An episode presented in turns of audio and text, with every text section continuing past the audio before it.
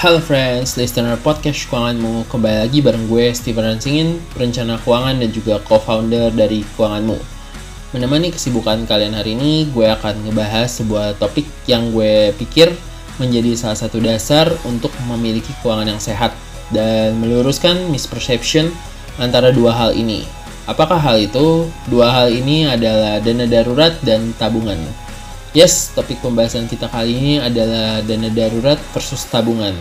Cuman sebelum gue masuk ke topik pembahasan, seperti biasa kita menjawab pertanyaan yang masuk minggu ini. Pertanyaan minggu ini berasal dari inisial SL. Pertanyaannya adalah berapa besar persentase tabungan yang harus kita alokasikan setiap bulan? Dijawab ya kak. Oke, makasih SL atas pertanyaannya. Kita bantu jawab ya pertanyaan kamu.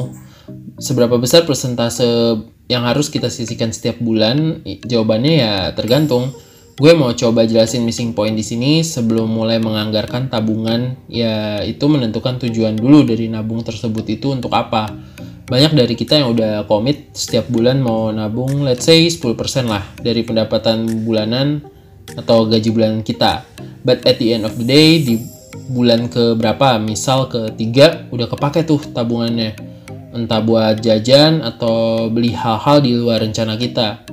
Menurut gue hal tersebut sebenarnya sah-sah aja sih, toh uang-uang kita. Cuma menurut gue hal tersebut ngebuat kita nggak punya tujuan jelas dan justru akan mempersulit keuangan maupun hidup kita ke depannya. Karena menurut gue kita nggak biasa menentukan tujuan untuk hidup kita maupun keuangan kita. So balik lagi, sebelum menentukan menabung mau berapa persen dalam sebulan, pertanyaan diubah, gue mau nabung buat apa ya? Setelah tahu buat apa, alias tujuannya udah jelas, tentu akan lebih mudah dalam menentukan persentasenya.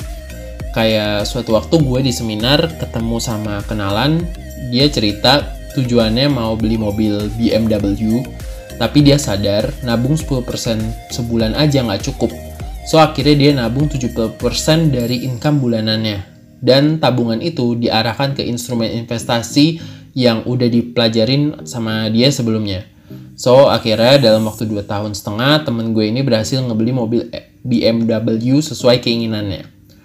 Uh, Hai SL, gimana jawabannya? Semoga kejawab pertanyaannya dan sekarang waktunya kita masuk ke topik pembahasan kita kali ini, yaitu dana darurat versus tabungan. So, listen up. Hai friends, masih banyak nggak yang bingung? perbedaan antara dua hal tersebut. Dana darurat itu apa dan uh, dan tabungan itu apa? Tahun lalu ketika gue diundang jadi narasumber di suatu event acara virtual, ada salah satu pesertanya ibu-ibu yang nanya ke gue, Mas, bedanya dana darurat sama tabungan itu apa ya? Jujur saya nggak tahu. So berangkat dari keresahan ini yang ngebuat gue ngangkat topik kali ini.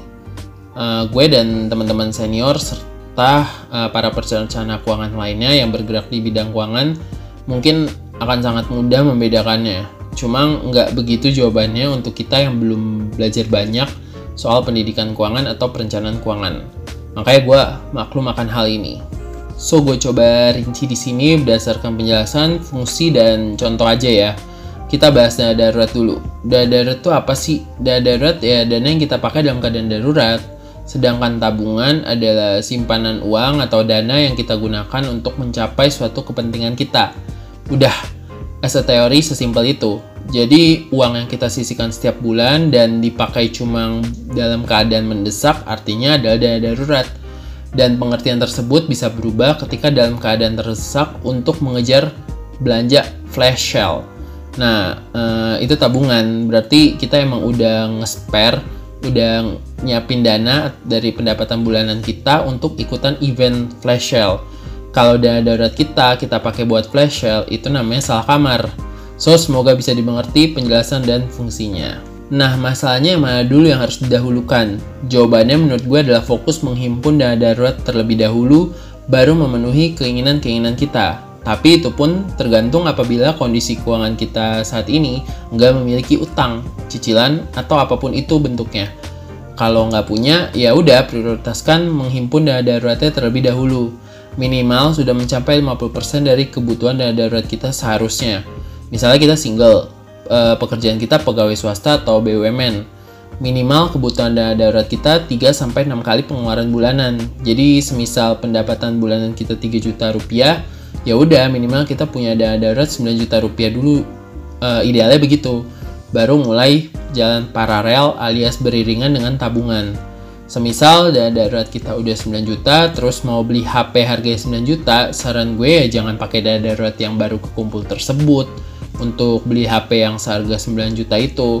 Tapi gue lebih prefer untuk melakukan pilihan di antara dua hal ini. Yang pertama sabar mulai menabung dan menginvestasikan uang kita uh, mulai bulan ini untuk beli HP yang seharga 9 juta tersebut atau yang kedua kalau mau punya HP seharga 9 juta tersebut menit detik ini juga ya gunain fasilitas cicilan 0% dari kartu kredit.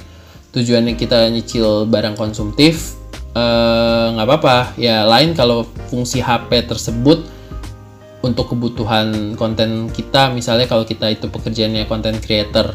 Nah kalau buat hal konsumtif gue lebih menyarankan untuk kita semua agar mastiin kita nggak membayar harga lebih mahal dari harga yang seharusnya. Tapi itu semua balik lagi ke term and condition dari diri kita masing-masing.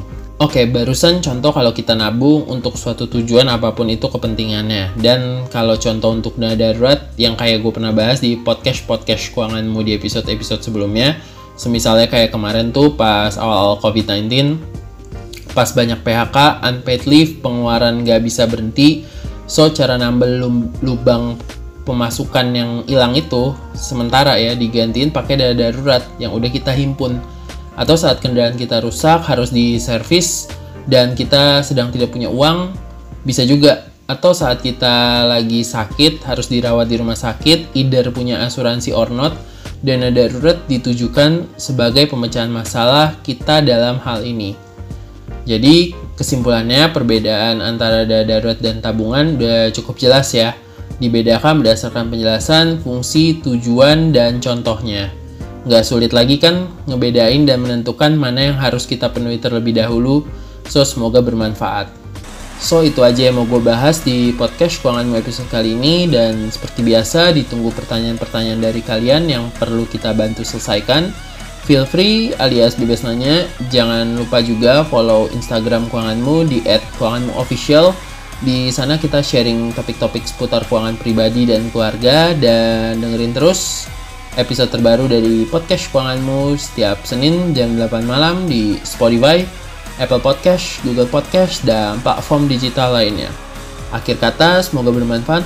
Sampai jumpa di episode berikutnya. See ya!